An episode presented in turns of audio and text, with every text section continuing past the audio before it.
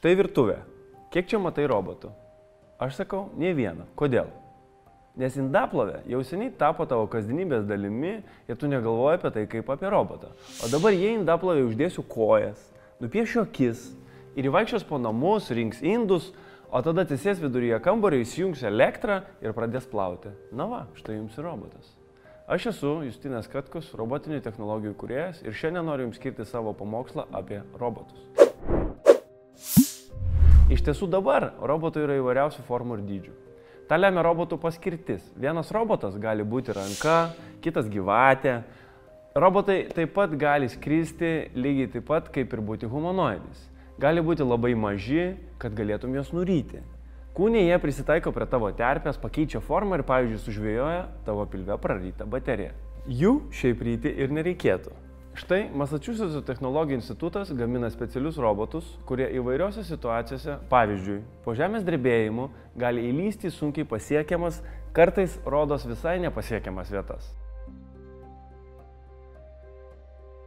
Taigi roboto forma kūrybiškumo ir paskirties klausimas. Robotas yra sistema, kuri atlieka tau naudingą darbą.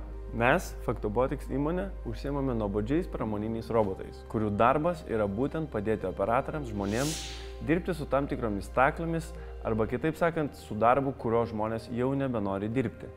Robotas visų pirma suteikia stabilę atkartojimo funkciją. Be to, pramoniai skirti robotai turi svorio ir greičio techninius parametrus. Atkartojimas labai svarbus, jis parodo, kokia paklaida atsiranda po pakartotinio veiksmo kokia atsiras paklaida, jei 10 tūkstančių operacijų padarysiu tą pačią dieną.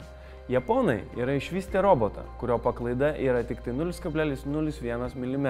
Robotas yra tikslesnis už žmogų ir tuoj bus normalu nebeleisti žmonėms daryti tam tikrų operacijų, nes klaidų kiekis yra tiesiog per didelis. Jei pramonėje naudojamiems robotams suteiktume papildomų techninių parametrų, sukurtume jau sudėtingesnius mobilius robotus. Pavyzdžiui, ant roboto ranką uždėtume ant važinėjančio vežimėlio. Tikriausiai matėte Amazon automatizuotų sandėlių video, kur maži apskritimukai ant ratukų važinėja, vežioja didelės dėžes ir visame sandėlyje jų zuja šimtai. Visas sandėlis yra visiškai automatizuotas. Tokie robotai jau gudresni.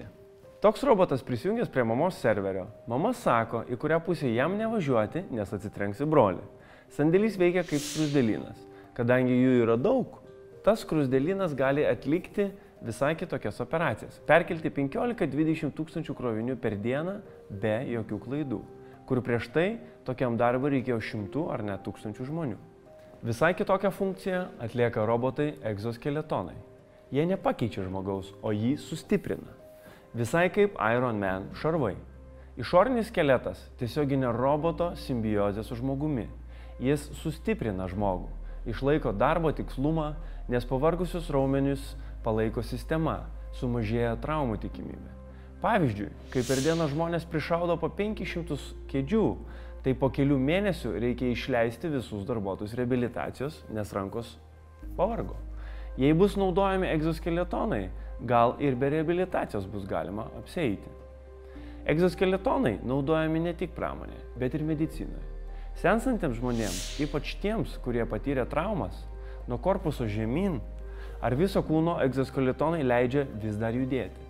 Jie pilnai palaiko nusilpusi žmogų, leidžia atsistoti ir eiti, nors šiaip jis turėtų gulėti lovoje. Čia ir yra visas grožis 21 amžiaus lasdelė. Robotų funkcijos labai plečiasi.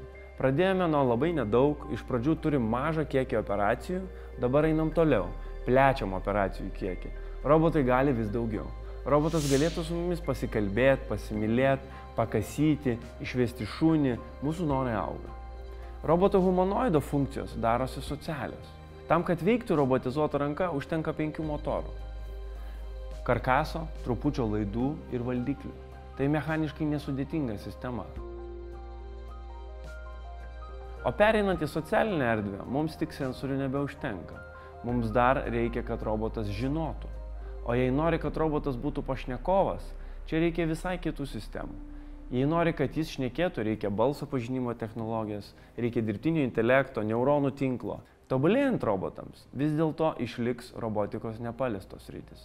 Robotams nesunku daryti analitinį darbą, filtruoti didelius duomenų kiekius, bet jie negali sugalvoti kažko naujo, pažiūrėti kitų kampų. Tyrimai rodo, kad robotika per ateinančius metus atims 75 milijonus darbo vietų, bet sukurs 120 milijonų.